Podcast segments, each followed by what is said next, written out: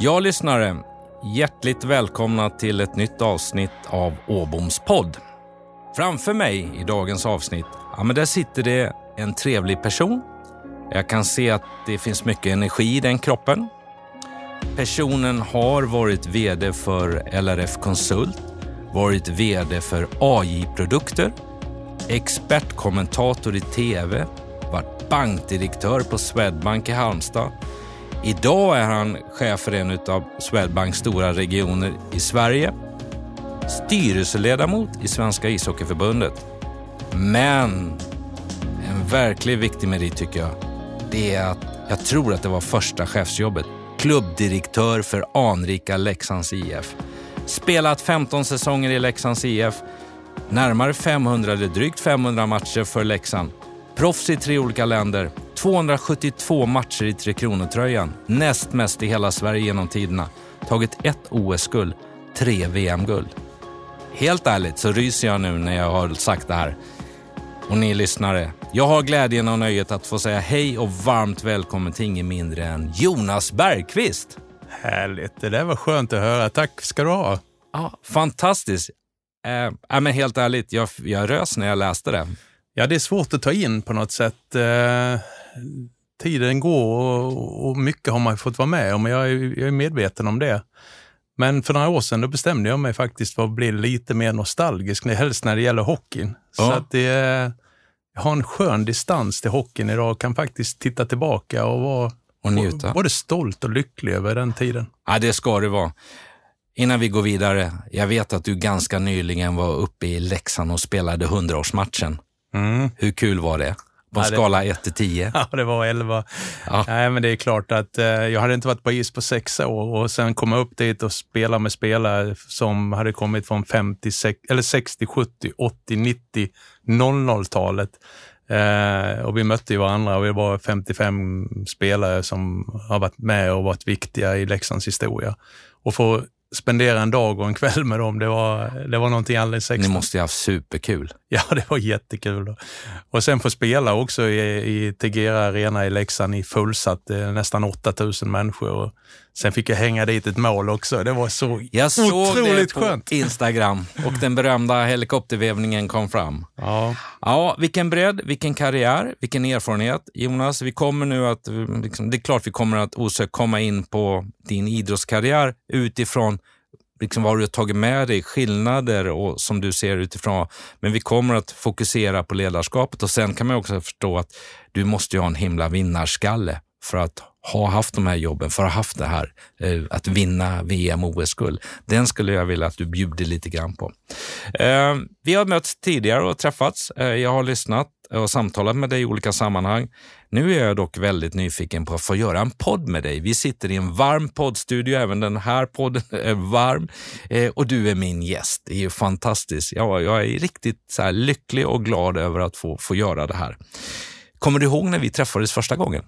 Ja, det gör jag faktiskt. Eh, det var ju 99 när jag precis hade börjat som klubbdirektör i Leksand och eh, vi nyttjade ordföranden då som hette Nils-Erik Johansson som var en gemensam bekant, eller som är en gemensam ja, bekant till oss. Han var min mentor inom Axel Jonsson. Precis, då. och du var ju VD eller jobbade på Tempo då. Mm, det, och vi var ju ute efter eh, olika företag som skulle kunna vara med och samarbeta med oss. Och du kom upp dit och och på något sätt började vi samarbeta där. Ja. Jag tror att vi bägge blev väldigt nöjda och vi ja. insåg rätt fort att eh, vi hade många gemensamma beröringspunkter och trivs bra tillsammans. Ja. Oerhört kul. Och det har varit fantastiskt kul att få träffa dig i olika sammanhang och liksom prata om kommunikation, ledarskapet och, och energi som du har och vad du kan dela med dig om. Och då, då kom jag osökt in som inledning lite grann på, på podden, eh, det här med att jobba och ha energi. I unga år arbetade Jonas under sommarloven inom tvätteribranschen på faderns firma Tvättbisse. Stämmer det? Det stämmer alldeles eh, ypperligt. Eh, det är ju så att min far han var en riktig entreprenör och i, i, när han var ung så jobbade han på sin, sin brors tvätteri i Hässleholm där vi bodde.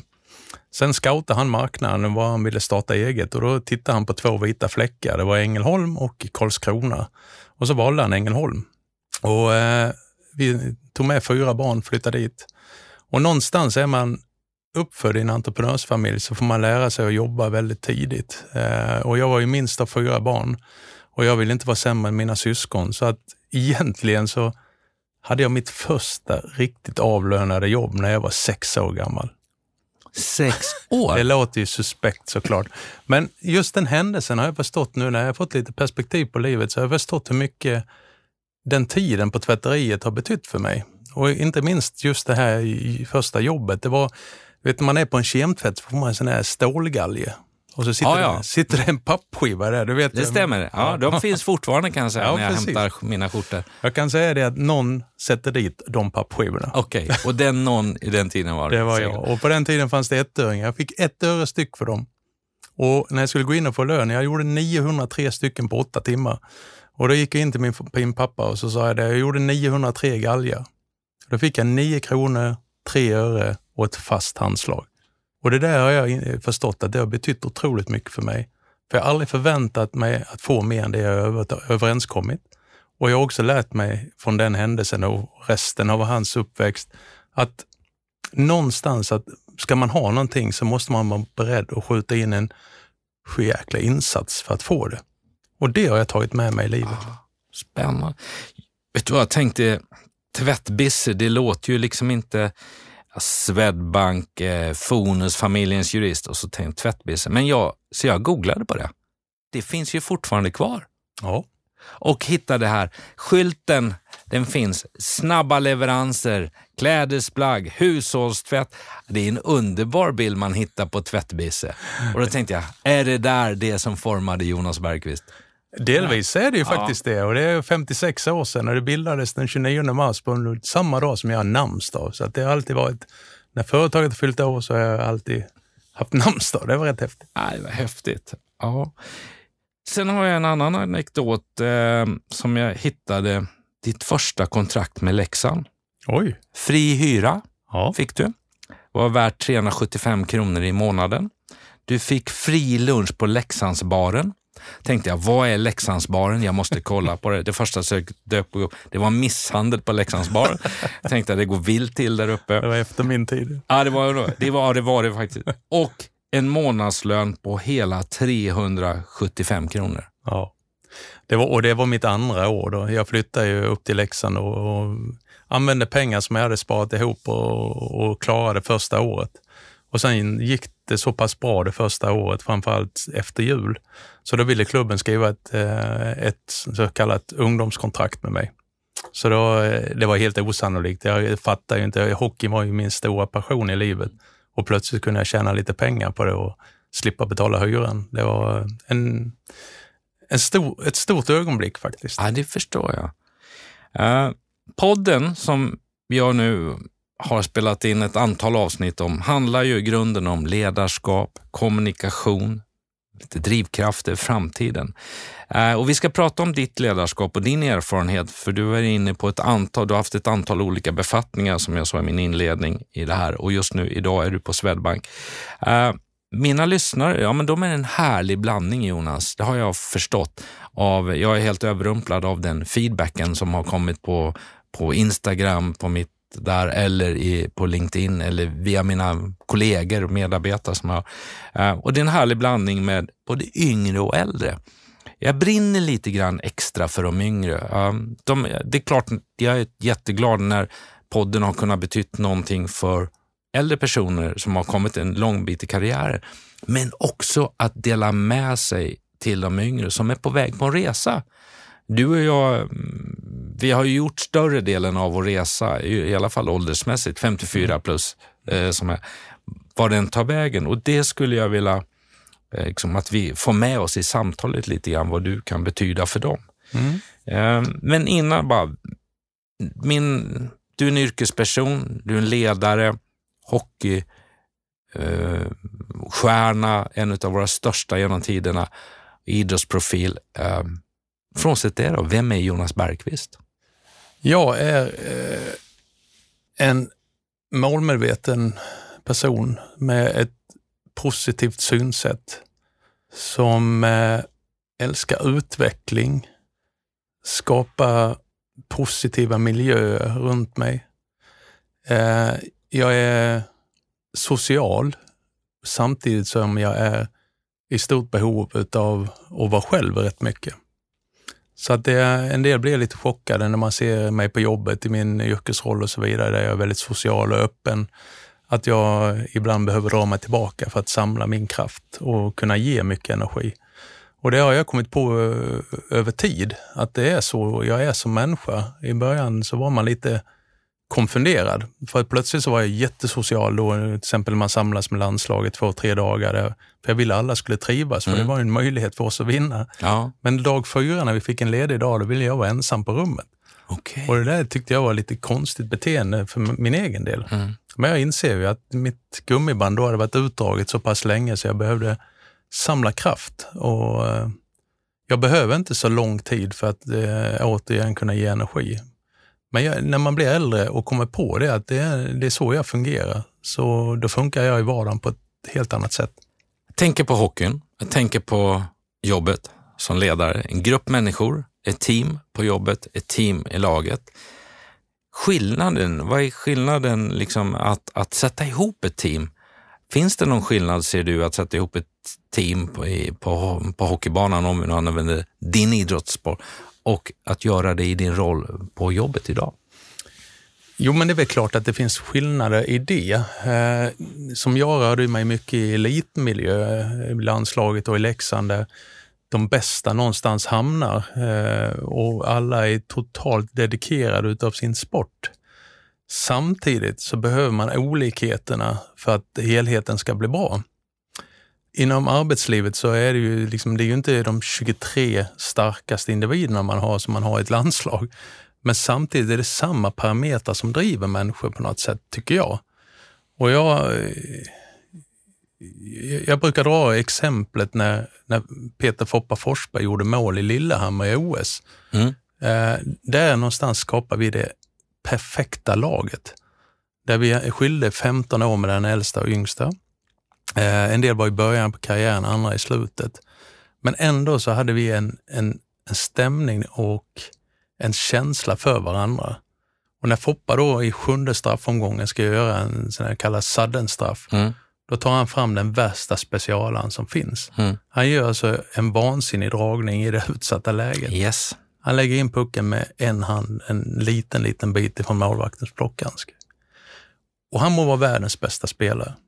Men ingen ska tala om för mig att han har varit ta den risken i det utsatta läget om inte han har känt att han var i ett lag där han hade sitt människovärde oavsett om han gjorde mål eller förlorade eller, eller missade. Eh, och det fina med lagarna det är att även de starkaste individerna växer sig ännu starkare. Och det brinner jag verkligen för. Och där är det många komponenter som man måste göra i det vardagliga för att få den, den känslan i ett lag. Finns det, eh, han du pratar om, Peter Foppa Forsberg, eh, har vi ju alla sett som intervjuer och domar eh, från TV-pucken och så Han är ju en riktig vinnarskalle, vilket du också har varit, men, men alla har varit. Är det, alla vill prestera på topp och så vidare. Sen är det ju ändå att få ihop laget, men är alla är ju inte riktigt vinnarskalle på avdelningen eller i bolaget när man jobbar. Det är ju en skillnad. Det är definitivt en skillnad, men det finns också skillnader i olika lag. Eh, det är alltid någon som är bäst, eh, det är alltid någon som är i, i botten på något sätt, men jag tror att den perfekta känslan i en grupp, det är när alla gör sitt bästa utifrån sina egna förutsättningar. Då känner man att det är ingen som fuskar, det är ingen som åker innerkurvor, utan man tar tag i det som behövs. Och man vet att utifrån den personens förutsättningar så gör han sitt bästa eller hon sitt bästa. Det skapar verkligen en bra harmoni på en arbetsplats. Hur bra är du på att kommunicera? Kring de här delarna? Jag tycker nog att jag, eh, det är en av mina styrkor i ledarskapet och det kanske inte jag var riktigt medveten om när jag klev på i ledarskapet. Eh, det har också, också eskalerat. Ju större uppdrag jag har har fått, desto viktigare har det varit för mig att kommunicera på, på olika sätt. Eh, ända sedan jag blev VD på LF Konsult 2006 så har jag skrivit veckobrev varje, morgon till, varje måndag morgon till mina medarbetare.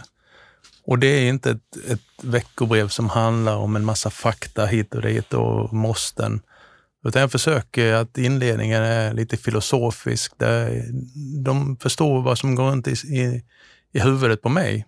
Det är kanske några praktiska saker som jag tycker vi behöver belysa. Och sen eh, berättar jag alltid vad jag ska göra just den veckan, så att ingen ska ställa sig frågan, vad gör chefen egentligen? Nej. Jag är väldigt transparent vad jag mm. gör. Så att i den här veckan vet alla att jag är här just nu. Spännande. Eh, ja. Sätter ingen press på mig. Nej, jag hoppas att de ska lyssna. ja. Eh, och sen så avslutar jag alltid med någonting om, handlar väldigt mycket om balans i livet. Att vi ska motionera efter våra egna förutsättningar för att jag vill att människor ska må så bra som möjligt. Mm. Det, är, det är en övergripande värdering hos mig att de jag leder ska må så bra som jag någonsin kan få dem att må. Det där är både vackert, sunt och klockrent. Men hur gör du då, om vi, om vi ska skicka med lite verktygslådan? Eh, hur, hur, hur, hur gör du för att medarbetarna ska få en balans i livet? Ja, men jag uppmanar och eh, framförallt försöker jag vara ett gott exempel själv. Eh, det tror jag är nummer ett. Eh, jag tror att om jag upprepade tillfällen alltid eh, belyser det här som en viktig del eh, i livet så hoppas jag påverka någon att faktiskt tänka till.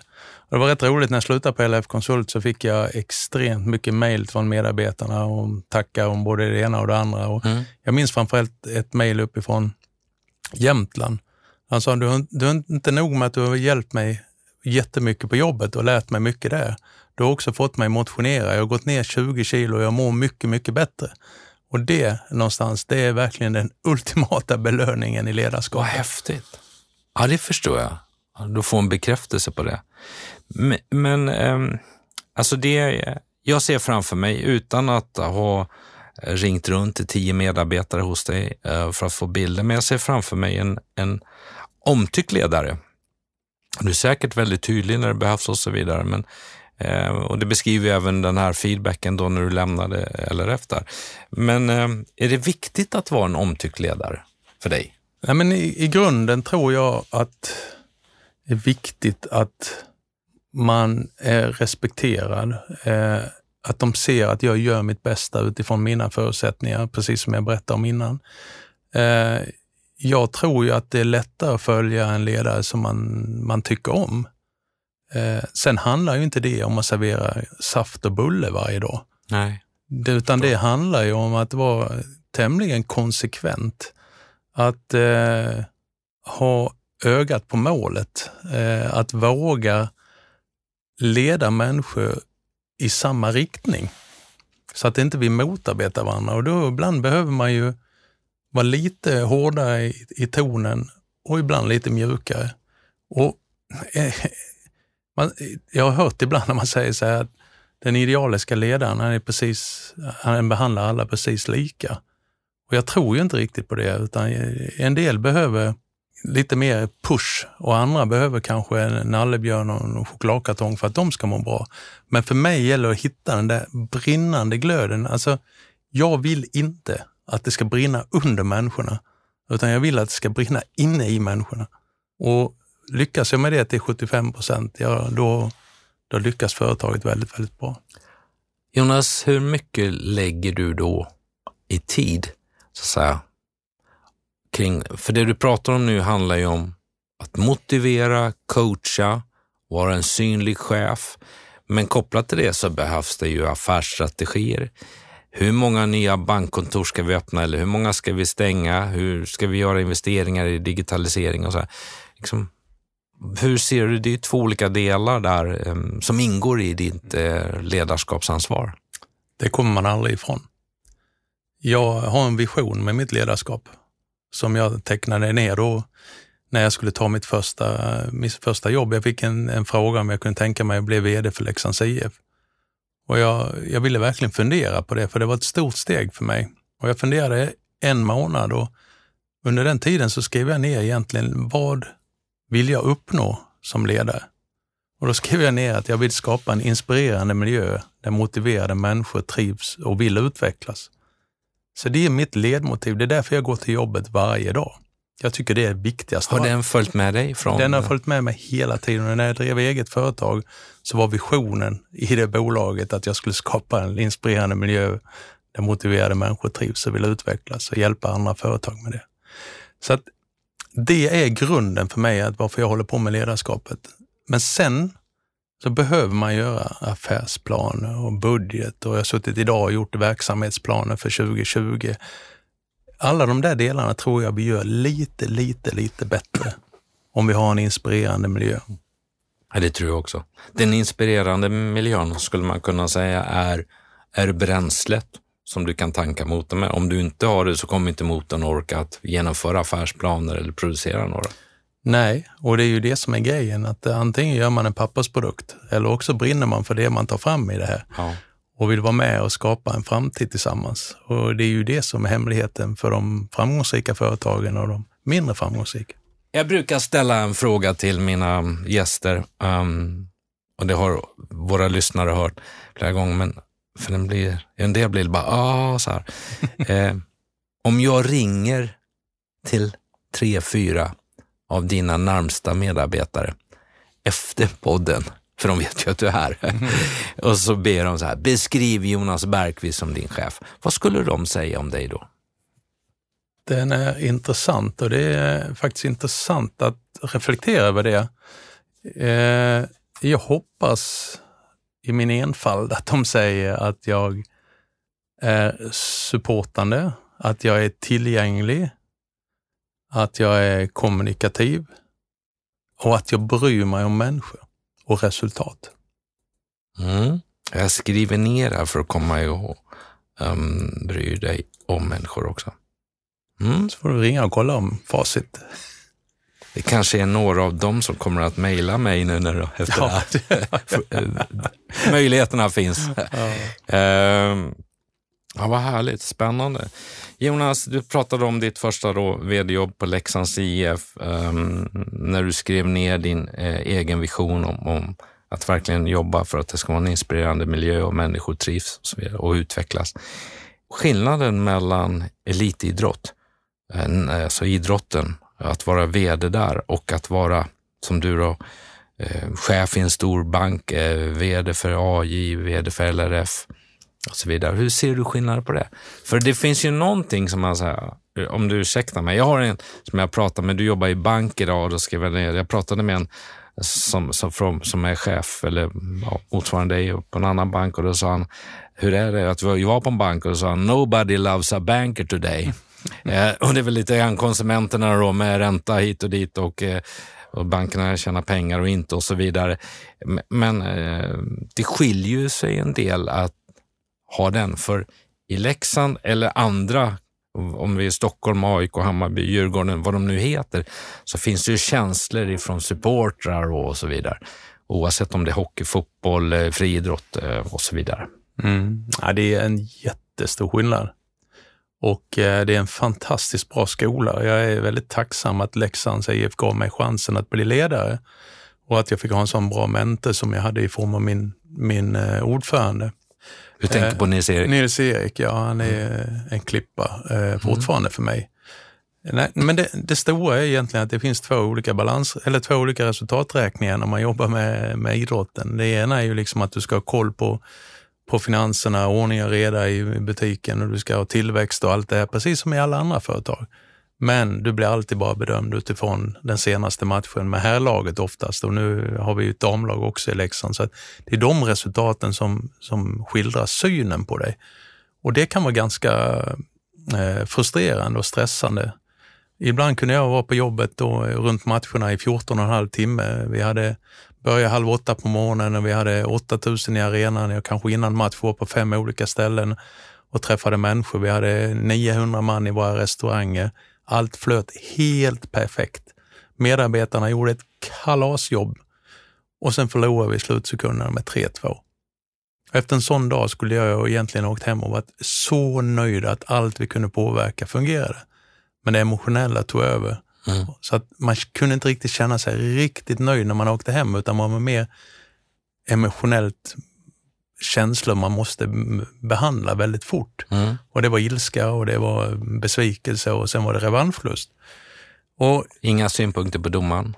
Nej, jag försöker hålla mig från det faktiskt. Men okay. det, jag vet att det är så betydelsefullt för så många. Så det var en, en, en tämligen, den åt upp en på något mm. sätt om jag ska vara ärlig. Mm. Eh, I näringslivet är det lite annorlunda. Här kan jag påverka på ett annat sätt. Och jag jobbar 14,5 timmar då har jag liksom bara det som jag har gjort under dagen att mm. ta hänsyn ja. till och jag kan känna mig mycket, mycket mer nöjd när jag kommer hem. Mm. Ja, intressant reflektion. Finns det dolda hierarkier inom idrotten som, som påverkar ledarskapet till skillnad mot näringslivet? För att ja, det är starka vinnarskallar oavsett om det är dam eller herridrott, eh, elitspelare och så vidare. Ser du? Ja, jag, jag har inte riktigt reflekterat över det, utan jag, jag när jag var i, i föreningen då och jobbade på det sättet så lärde jag mig en annan grej som har varit viktig för mig. Det är att är man anställd, som jag var då som VD, så alla beslut jag tog, det tog jag utifrån vad är bäst för Leksands IF. Mm. För organisation är någonstans starkare än varje person var för sig. Yeah. Så att för mig var det, det var en räddningsplanka, för jag kom ändå som firad eh, hockeyspelare in mm. och satte mig på vd-stolen och tog massa med obekväma beslut. Ja. Och mycket av det man hade byggt upp som en hjälte som hockeyspelare kom ju lite på skam då, för att man, man måste vara lite obekväm ibland. Och då, då tänkte jag det att nej men allt jag gör, det gör jag för Leksands IFs bästa. Och efter sju år kunde jag gå därifrån och veta att varje beslut som jag tog under hela den här tiden, det gjorde jag för Leksands IFs bästa. Och sen gjorde jag fel, men jag gjorde mer rätt förhoppningsvis. Ja. Och det hoppas jag att, att mer, de som var runt omkring mig också tycker. Du hade ju en, så att säga, en parhäst under de åren då i, i form av din styrelseordförande Nils-Erik Johansson. Ehm, och jag, måste, jag ska ta en anekdot med det. Jag fick förmånen 1996 var det, när Antonio Axelsson Jonsson gjorde sitt första officiella riktiga mentorskapsprojekt. Då var vi tolv så kallade adeptrar som blev utvalda. Jag höll på att tacka nej först för jag tyckte jag hade så mycket att göra. Då tittade personaldirektören på mig och förstod inte vad det här är, vad det betyder, så att jag tackade sen ja. Eh, blev kallad till första mötet och eh, där så att, eh, fick jag träffa då min mentor som under ett och ett halvt år i ett program som heter Nils-Erik Johansson. Och jag har eh, två grejer. Det ena var liksom en lite trevande första möte inne på Jonssons huvudkontor på Villagatan. Fina lokaler liksom. Mm. Och så här, vem ska börja snacka? Så här, han var, du vet ju han Pushy. Så här. Ja. Ja, börjar du? Ja, jag börjar. Han är ju knappt börjat. Så, så satt han så här. Eh, är du akademiker? Eh, nej. Ja, hur har du tänkt dig det ska gå för dig i karriären då? sa han. Och då sa han, ja men förra året eh, så blev det utsedd en i tidningen, jag tror det var Veckans Affärer, som blev utsedd till Sveriges företagsledare. Han heter Nils-Erik Johansson. Han är inte akademiker. Eh, det andra är att vi har en VD för Volvo som heter Sören Gyll. Han är heller inte Sveriges största bolag. Han är heller inte akademiker, så jag tror det kommer gå bra, så jag. Då tittar Nisse har du läst på? ja, så. Du, det här kommer bli jättekul. Nu kör vi så här, så ja. Och det var liksom hans, liksom att han fångade mig eh, fantastiskt ung. Jag var ju supernervös. Liksom, jag hade knutit om slipsknuten säkert fem gånger innan man träffade. Det skulle vara perfekt. Och sen en annan, vi åker för att inviga det som hette Åhléns i Helsingborg på Statena som blev mm, Hemköp. Då var det en tradition att Nils-Erik kom dit kvällen innan med sitt team. Eh, så var det middag med alla från konverterade från Åhléns som inte då i butikerna livsmedel var så skulle bli framgångsrikt i Hemköp. Och han skulle dela ut den traditionella dalahästen, kommer du ihåg Han hade med sig.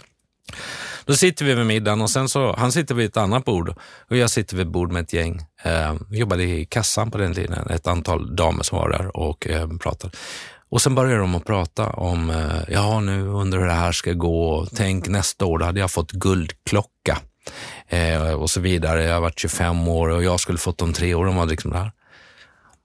Och det här hör ju inte Nils-Erik, men tio sekunder efter det här samtalet så går han upp och så ställer han sig upp så här. Jag vill bara säga, jag har glömt att berätta en sak.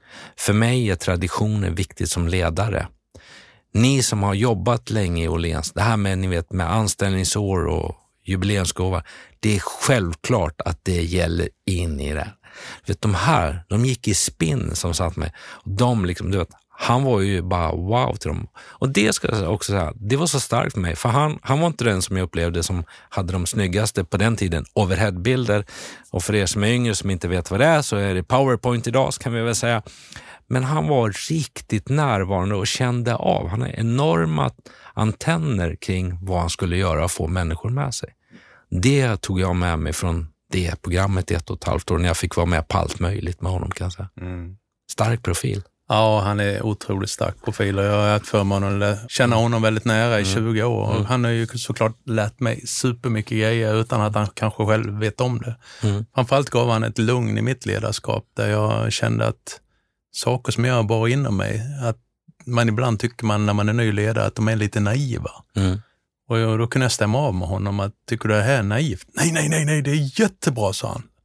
Men, det är ju ganska enkelt, sa jag. Men det ska du veta, sa han. Det alla förstår, det ska man göra. Så. Och det har jag tänkt på många, många, många gånger. Ja. Inte krångla till det. Inte krångla. Bygga på enkla saker där alla förstår. Mm. Du, du får hälsa honom så mycket efter den här podden och skicka länken till honom. Ja, jag ska ringa honom ikväll. Ja, det är underbart.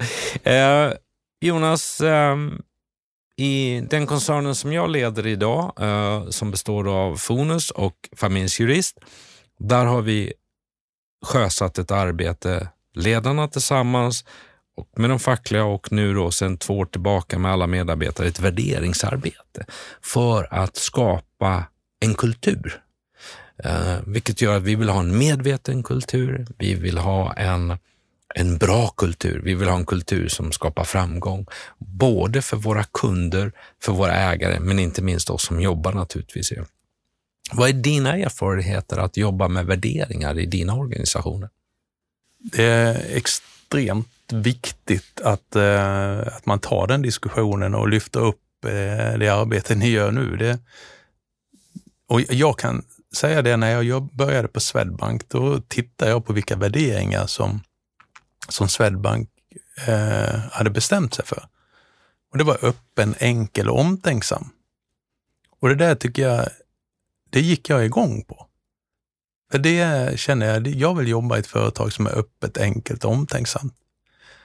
Sen när jag jobbat ett halvår så kunde man ibland fundera, vem kom på det här? För att det är inte det lättaste med banksekretess och allt det här att vara öppen och enkel.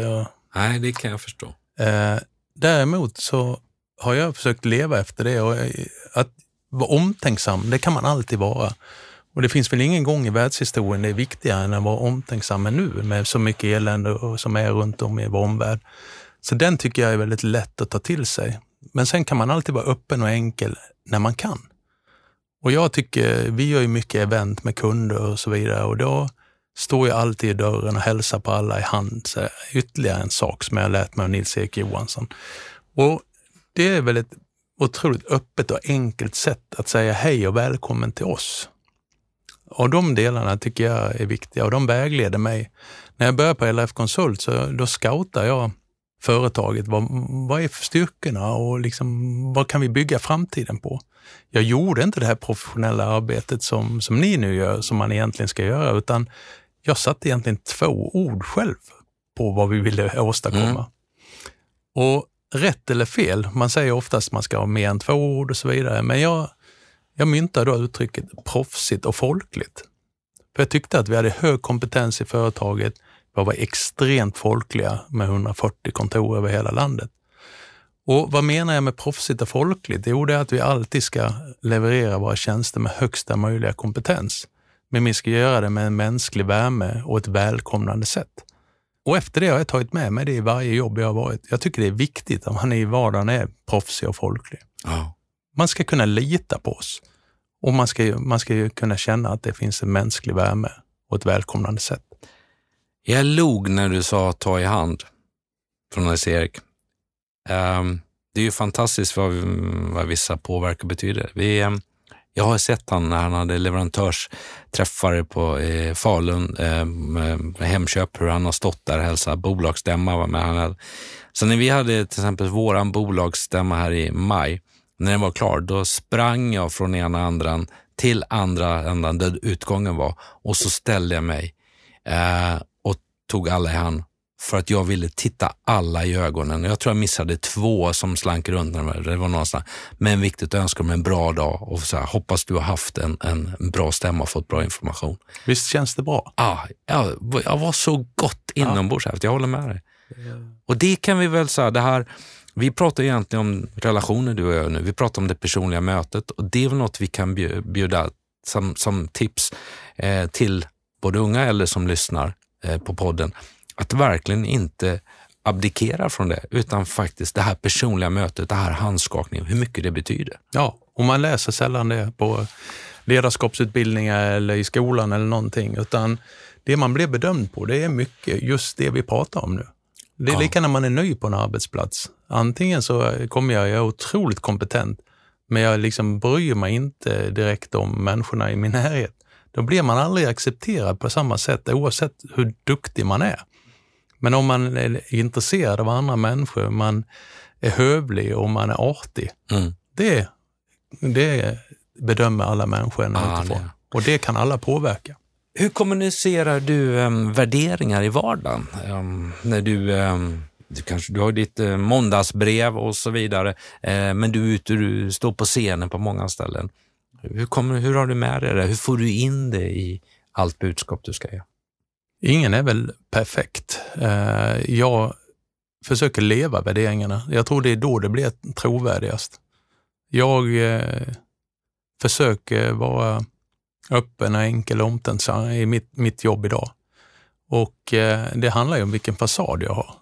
Och det är klart att när jag är då, har så stort område att resa och träffar inte människorna så jättemånga gånger på ett år, Nej. så är jag ju väldigt intresserad av vad människorna tycker på kontoren. Mm. Och det är klart, kommer jag ut med en fasad som är väldigt hög, så här, ovanför ögonbrynen på mig, då möter jag ju precis samma från medarbetarna. Om jag däremot öppnar upp och bjuder in och nyfiket lyssnar och ställer en fråga och lyssnar på svaret, så kan jag komma till nästa ledningsgruppsmöte med en konkurrensfördel för att jag vet faktiskt vad som har hänt. Eh, och jag vet vad som man pratar om ute på kontoren. Och det där tror jag, jag vill nog påstå att det är en, en framgångsfaktor och någonting som man inte bara ska skriva ner på ett papper, snygga eh, powerpoints och roll-ups med sina ja. värderingar, utan när man väl har bestämt sig så gäller det att leva det. Mm. Och, jag tror, och där måste vi eh, som ledare vara trygga i, och, i den och säga att ja, ibland gör vi väldigt mycket bra, men ibland så ja, har vi också svackor eller blir något fel. Och då är vi där och naturligtvis tar ansvar för det, men vi är inte några perfektionister. Och det tror jag är viktigt för de yngre ledarna att ha med sig att det, det, glöm det där att eh, ha känslan att aldrig göra fel, utan vara där i vardagen. Jag sträckte mig efter min kavajficka när du pratade Jonas och eh, våra värderingar. Och som nu då på måndag ska jag ut och besöka några kontor eh, och om ett par veckor ska jag norrut, eh, Luleå och Boden bland annat, besöka några och nästa vecka ska jag till Norge, vår verksamhet där. Jag åker ju sällan och har med mig liksom, eh, ja, hur går det här, vad är ebit? Det är klart jag är påläst om kontoren lite så här. Men när jag kommer ut så har jag, pratar jag också väldigt mycket om vår kulturresa, våra värderingar. Så jag har det här nyckelkortet. Våra värderingar heter Kompassen och så har jag ett nyckelkort. Det vet nu i stort sett de flesta i vår koncern. Jag bär det alltid med mig. Utöver nyckelkortet i den här lilla visitkortspärmen så ligger passerkortet, det ligger ett SL-kort och det ligger ett matkort med några visitkort och så har jag mina värderingar. Och där kan jag sätta mig och titta på det när jag går hem efter dagen och landar hemma så kan jag liksom säga, ja, kan jag som omtanke som är ett av våra då, kan jag titta mina medarbetare i ögonen och säga att omtanke, ja, jag har verkligen haft det idag när jag har fattat beslut eller varit med. Eller engagemang, har jag haft engagemang? eh, kring det här. Har jag fattat beslut? Har jag varit där till? Alltså vi har de här. Så att, eh, och det har blivit en, och det kör jag med, vi har en så kallad 50-grupp där vi har de 50 man, man säger, cheferna som rapporterar till någon av de olika bolagsledningarna och koncernledningarna vi träffar. Eh, och det kör vi ju väldigt mycket med det här OKL. Och då sa jag att ärligt, eh, tala om för mig om ni tycker att jag som ledare, som ytterst ansvarig, inte brister. Det måste vi känna en trygghet i att som ledare våga öppna upp oss, tror jag, kring, för att värderingsresan ska bli ärlig och mm. äkta. Men jag, jag, tycker det är ett bra tips för unga ledare att, att faktiskt bestämma sig vilka ens värderingar är. Vad, hur vill jag bli ihågkommen? Och jag, jag vet eh, just omtanken när jag började på, eh, som kontorschef i Halmstad på, på Swedbank så, så insåg jag, eh, jag pratade med en som levererar kaffe till Sverige, så sa jag det att du, vilket kaffe ska man välja? Det spelar ingen roll vilket du väljer, bara du väljer ett ekologiskt kaffe, sa han. För jag har varit på de där fälten och ser hur mycket gift man sprutar. Ja. Jag åkte direkt hem och sa, har vi ekologiskt kaffe på banken? Nej, det har vi inte. Då ska vi börja med det. Och när vi ändå håller på så ta med ekologiska bananer också, för det är minst sex gifter i alla bananer som inte är ekologiska. Och då kan man hålla i det där. Ja. Och så kan jag beskriva det. Av omtanke så gör vi nu det här. Och det kostar ungefär 200 spänn mer i månaden för mig att ha ett ekologiskt kaffe. Det är 800 spänn om året, eller i månaden, det är liksom 10 000 om året.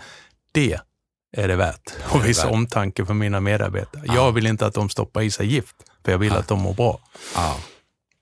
Och är det är ju fantastiskt, för, för medarbetarna, de är ju, vad vore vi som ledare utan medarbetare?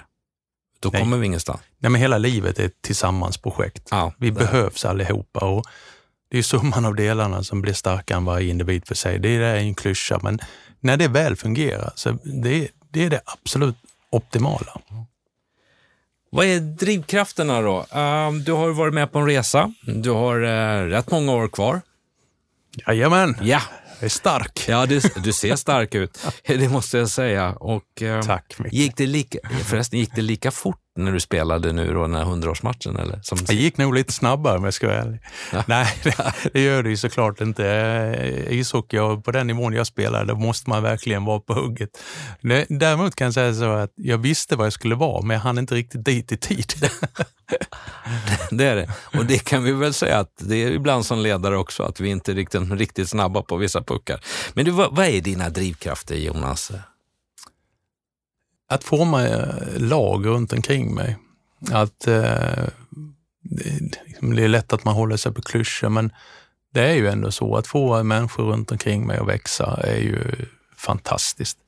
Jag kan ju berätta efter en dag när någon, jag har sett ett framsteg hos någon medarbetare, jag berättar i vissa ordalag för min fru när jag kommer hem. Och jag gör det nästan så jag får tårar i ögonen, för det är den genuina glädjen hos mig. Eh, jag tycker också att jobba inom en bank, som jag uppskattar väldigt mycket, även om vi får stryk i olika sammanhang och, och så vidare i bankerna och branschen, så, så tycker jag att jag är med och förverkligar drömmar varje dag. Drömmar för den som vill skaffa sin första bostad eller bilda familj och, och vill flytta till, eh, till, till ett hus, då är det vi som är där från bankerna och låna ut pengar och gör det möjligt. Eller man startar det lilla företaget, vill ha en checkkredit eller man vill expandera sitt företag. Då förverkligar vi den drömmen. Vi utvecklar samhället. Och jag, jag tycker det är fantastiskt att bo i Sverige och någonstans få vara med på ett hörn och göra samhället bättre. Ja. Att liksom vi läser, vi föreläser för unga i skolorna om ung ekonomi. Alltså, vi som förbereder ju människor att komma ut i livet. Och allt det där, det tycker jag är så häftigt och någonting jag är ruggigt stolt över. Har du några konkreta tips då till eh, de eh, lyssnare till den här podden som är på väg i sin eh, karriär, som har tagit de första stapplande chefstegen eller specialiststegen och så här, där vi kan se att det här borde vi. Ja, jag tycker det jag gjorde som inte jag fick, det blev bara en händelse, att bestämma sig. Vad vill jag uppnå med ledarskapet? Det kommer vägleda en väldigt långt i, i, i livet. Jag tycker också man kan ställa sig frågan och reflektera över sig själv. Vilka är mina absolut största styrkor? Och så bygga på de styrkorna. Och inse att, ja, nej, det tar längre tid att lära mig det här som inte jag är riktigt bra på, än att faktiskt omge mig med människor som har de kvaliteterna inte jag har. Men tillsammans så bildar vi ett ruggigt starkt lag. Och vågar vara öppen med det här är jag bra på, eh, det här är jag mindre bra på. Och sen innan man börjar sitt första ledaruppdrag, eller varje ledaruppdrag, ställa frågan till dem man ska leda. Vilka förväntningar har ni på mig? Och sen göra en rejäl process på det och tratta ner det att de här sex, sju, åtta grejerna som ni har förväntningar på mig, det lovar jag att jag ska utföra. Och då kan man efter sex, åtta, tio månader stämma av. Tycker ni jag lever upp till det? Och är svaret ja på den frågan, då, då växer man utav det. Annars så kan man ju förbättra sig. Jag tror att det här med man pratar om, om eh, att ge feedback och det här, där tror jag att vi skulle behöva få in en kultur på det du säger. För det, det är just den här tryggheten i att säga, om de här åtta förbättringarna, eller, eller de här åtta områdena ska jag jobba med. Och har jag gjort det, och då är det ju någon form av feedback man ger tillbaka. Ibland kan jag titta tillbaka och så ser jag, liksom, var har gråzonen varit mot kritik egentligen? Uh, istället för att säga att feedback är något av det finaste som finns, nämligen att få andra människor att växa. Om du gör det med hjärtat, då har du ju en fantastisk förmåga att få andra att växa.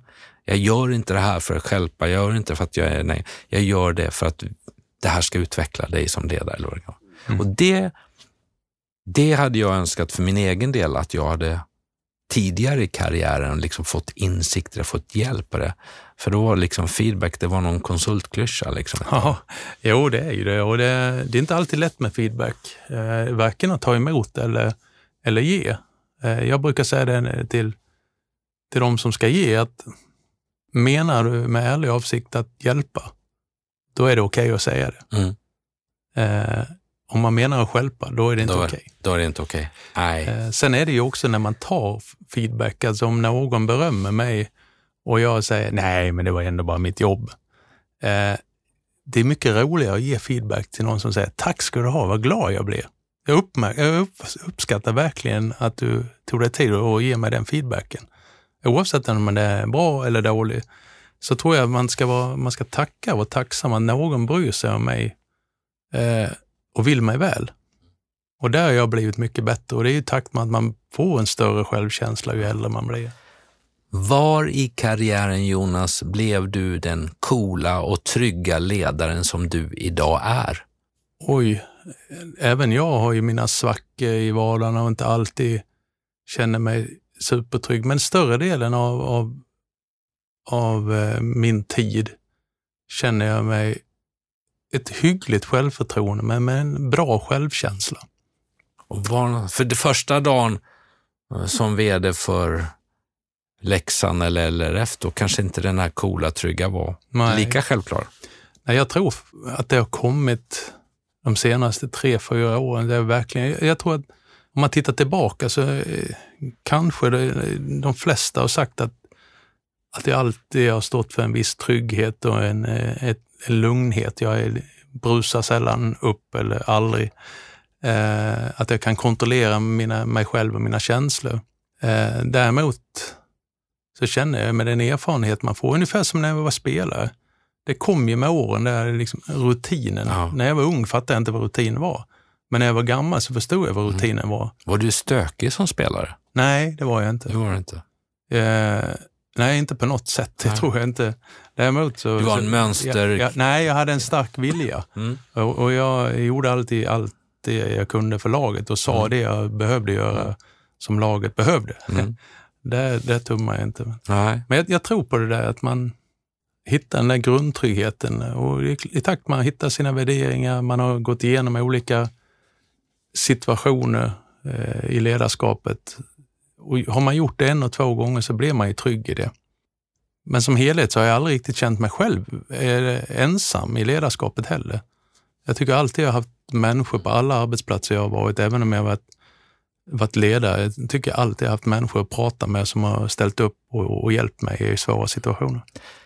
Och det är väl något vi kan eh, ta fasta på, att eh, se till att vi har en omgivning som, alltså man har en omgivning som verkligen ger en energi och där man finns en trygghet. Och den kan du faktiskt skapa genom hur du själv är och hur du påverkar och den är väldigt viktig. För att tillsammans så är vi ett starkare team än, än den ensamma. Ja, jag tror att gå runt och vara rädd och se spöken på ljusa dagen och sådär, ja. det, det, det blir inte bra Nej. om man sänder fel signaler runt omkring sig. Eh, hitta den där grundtryggheten med människor runt omkring sig och, och, och tycker inte man det är hundra så måste man ta matchen mm. och ge människor chansen att förändra sig och, och själv förändra sig på ett visst sätt så att man till sist lirar bra ihop. För det, det gäller någonstans att spela varandra bra. Ja. Vad gör dig riktigt glad som ledare? Jag tror vi har varit inne på det lite grann redan, att utifrån eh, man ser människor växa. Jag kan ta ett exempel i Halmstad när jag var kontorschef där så anställde jag en företagschef efter ett år ungefär. Och jag kände direkt, det var hans första ledaruppdrag, han var 35 år gammal. Jag kände den här killen har, har potential. Eh, han visste inte själv var han stod i sitt ledarskap. Eh, ganska fort så responderar han på allting som jag uppskattar av en ledare och jag matchade in honom som min ersättare när jag skulle sluta. Och det kände jag då efter två, två och ett halvt år, så klev han in på den rollen som jag hade haft innan. Och se hur han växer och tar till och hur han vågar öppna sig och vara bra på alla de sätten som jag uppskattar. Så att det gör mig verkligen lycklig. Det det. Att se den här Johan som han heter verkligen mm. och utvecklas på det sättet. Fantastiskt. Jag brukar, jag säger det, jag har varit ärlig till min styrelse och jag är ärlig till min, eh, mina chefer och de medarbetare jag träffar. Eh, ett, jag som vd, man har ju det i DNA och ledare, liksom att skapa resultat. Det är ju naturligtvis det, det vet man att det är, rätt, det är en hygienfaktor mm. för att behålla jobbet lite grann. Men nummer två, det som gör att jag somnar som bäst på kvällarna, det kallar jag, har jag en annan dimension av resultat och det är när jag får se medarbetare växa, precis det du pratar om. Se dem ta nya steg, hur de utvecklas, tar ansvaret, mognar, ställer sig i kön för ett nytt eller klarar av liksom det. Då känner jag det, den resultatresan när man ser med medarbetare, då känner man wow, då behöver inte jag vara så orolig för även ebit-resultatet, för det kommer ju lösa sig med det här teamet på något sätt. Det, det är ju så det är. Ja. Det, det löser sig. Ja. och, man, och jag känner det gänget jag har runt mig nu i mina nya roller, jag har haft det i sju månader eller åtta månader. Och just det här när man, när man kommer lite i trångmål, man behöver rapportera fort, man skickar ut det där och sen kommer leveransen smack. Va? Då ja. ser man, de ställer upp ja. för varandra och för mig och för företaget. Det gör mig också extremt lycklig och stolt. Ja, vad härligt. Ja, jag tror att du är en, eh, utan att jag har pratat med dig innan, jag tror att du är en otroligt närvarande coach. Jag tror att du är en lyssnande ledare också.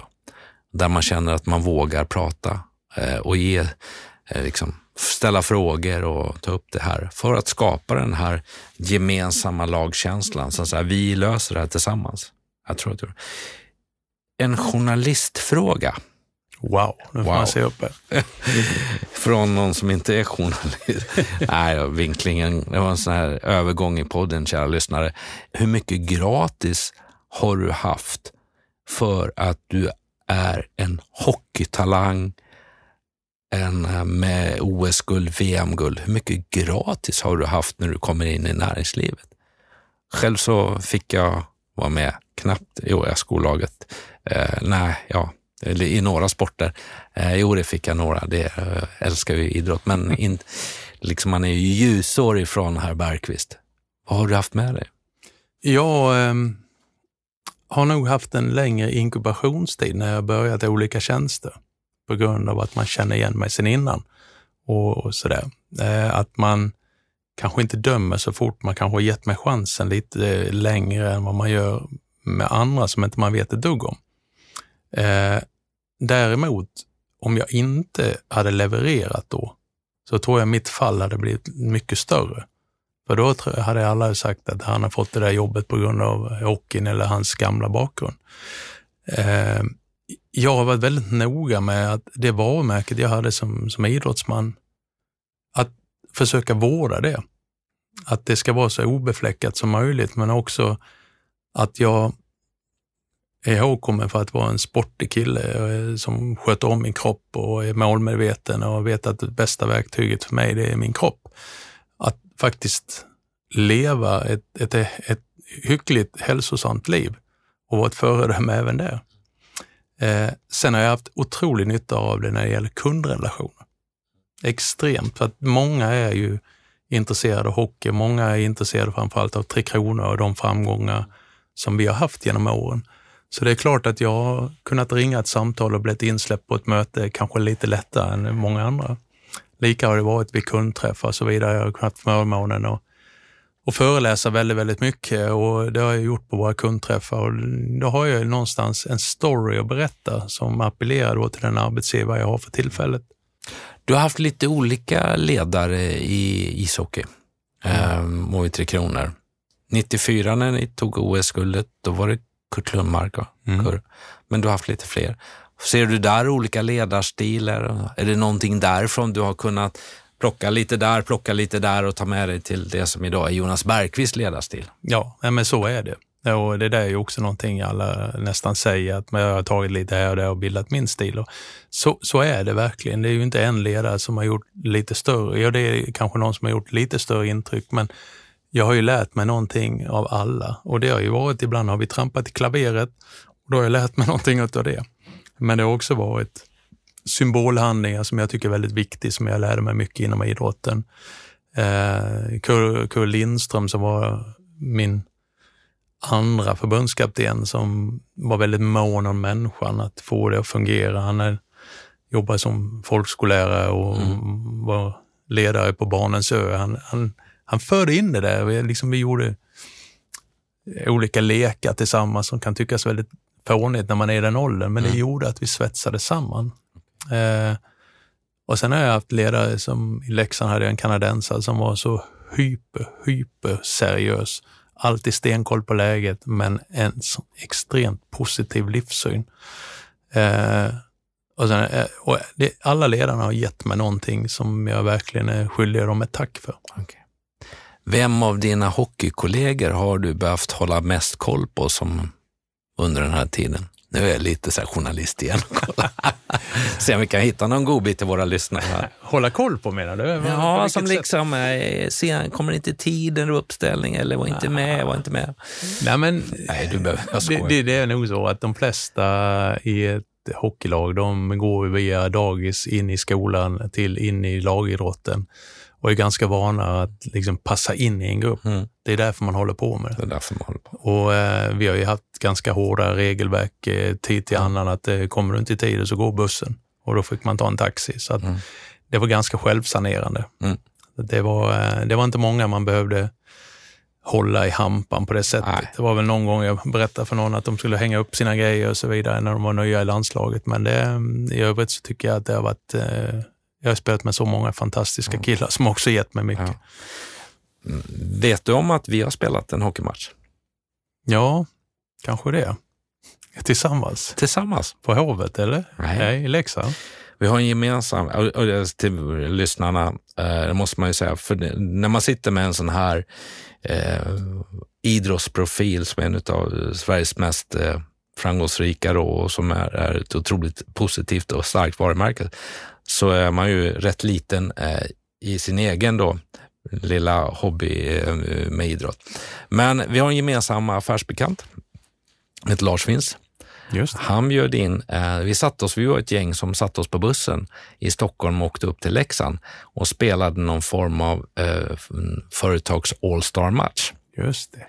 Då, och det vill jag säga till mina lyssnare, så ni förstår hur stor det här podden med, med Jonas är då för mig vi satt, vi kom när jag kom in i omklädningsrummet så hängde våra tröjor upp.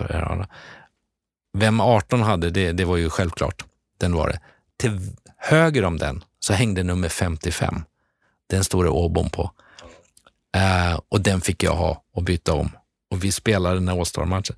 Den började si där för vi ställde upp oss eh, på linjen för det var nationalsång. Men vi ställde oss med fanan i ryggen. och du bara vänder om. Men vi var ju så nervösa. Men det är mitt minne och den där tröjan har jag ju naturligtvis kvar. Så då kommer min, en av de eh, frågorna här så här på slutet med tanke på lite Leksand då, eh, som nu i år ska få spela i elitserien. Kommer vi att slippa återtåget? Ja, det hoppas jag verkligen och det tror jag också, även om det kommer vara en stentuff säsong. Det är ju en etableringsfas och alla som vet när man börjar ett nytt företag eller startar på en annan division att det, det ger sig inte själv, utan jag tror att eh, Leksand får kämpa för sitt liv i år. Eh, det är två lag som ska kvala neråt. Jag hoppas inte det är ett av dem är Leksand. Men jag har väldigt svårt att se vilka två lag man ska ha efter sig. Så det är en, SHL är en extremt bra liga med många bra lag. Så att eh, det, det kommer bli tufft, men jag, jag är ju positiv. Ja. och jag, jag tror faktiskt, att, eller jag känner eh, dels att man gör mycket rätt och eh, med det folkliga stödet att man ska kunna klara sig kvar oavsett om det blir kval eller inte. Jag håller tummarna för det också. Jonas, vi börjar närma oss slutet av eh, Åboms podd för den här gången. Eh, när jag har eh, suttit och lyssnat på dig så har jag noterat några saker. 903, det var antal galgar. Precis. Eh, med ett öre. Och handslaget som har varit med dig. Det tycker jag vi ska skicka med till våra lyssnare. Din egen beskrivning om dig som målmedveten, att du gillar utveckling, att du är positiv, att du är social, men behöver också egen tid. Kan vi också skicka med till våra lyssnare om så att det gäller att göra sin egen analys och titta sig i spegeln. Vem är jag?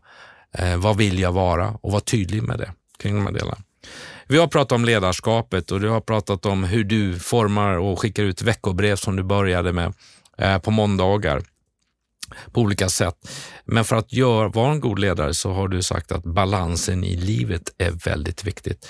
Eh, och då för att prata om det så behöver man vara ett gott exempel själva. Och då kan vi väl även det skicka med till lyssnarna. Ska du vara en ledare så måste du vara ett föredöme. Och säger du en sak så måste du vara med på det, att göra det.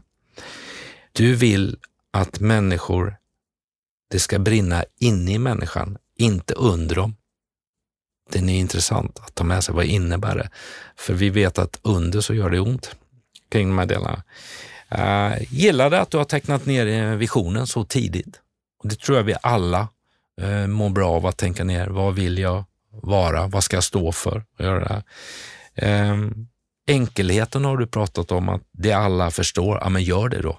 Liksom, kring de här delarna. Vänta inte, det så se till att det är det. Um, häftigt samtal, Jonas, med en blandning av eh, anekdoter, eller eh, inte anekdoter, men hockey, idrottslivet in i näringslivet, det du brinner för. Och vi hade ju ett försnack innan här i podden också, där man verkligen ser hur du gillar det här med ledarskapet, det är äkta, det är viktigt och du vill mixa liksom att, att vara affärspersonen och utveckla bolag, men också utveckla verksamheten genom medarbetarna.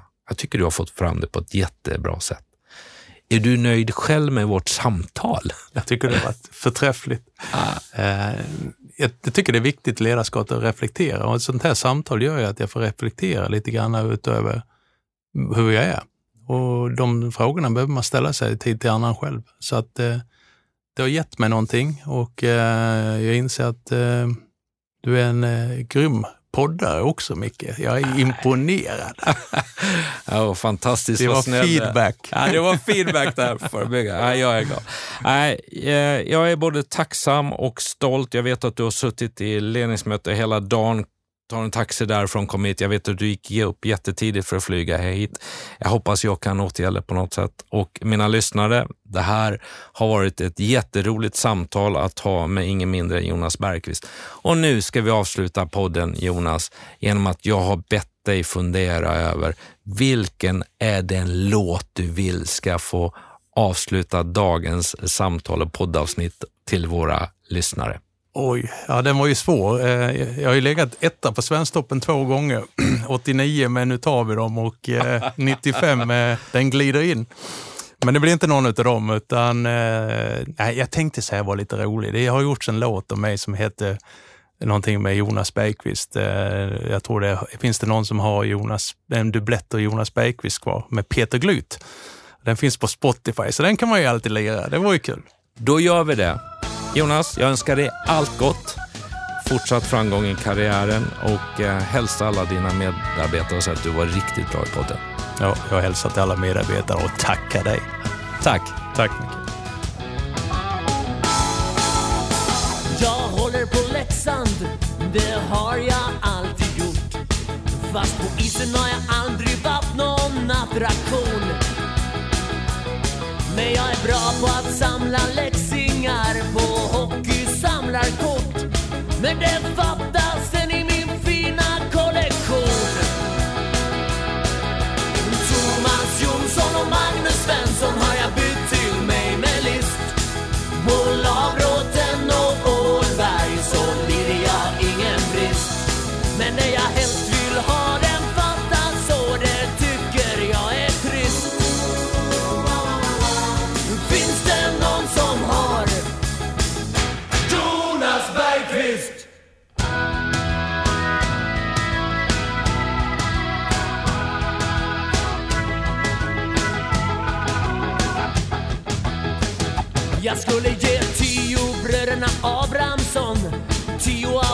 och var. För han som svingar klubban som Jesse James. Skånes absolut allra bästa dag.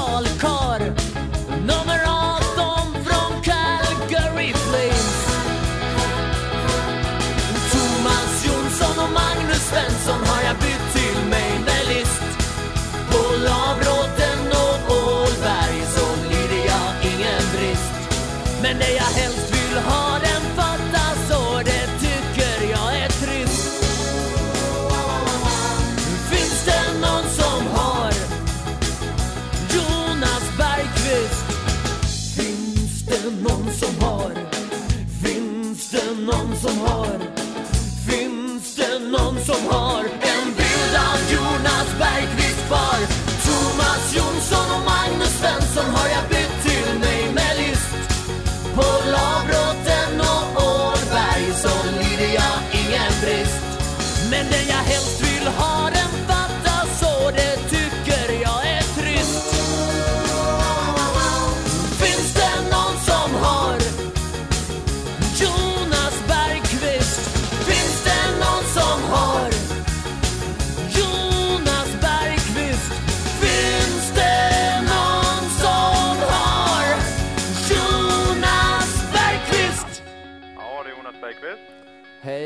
ingen hockeybild på dig själv jag kan få?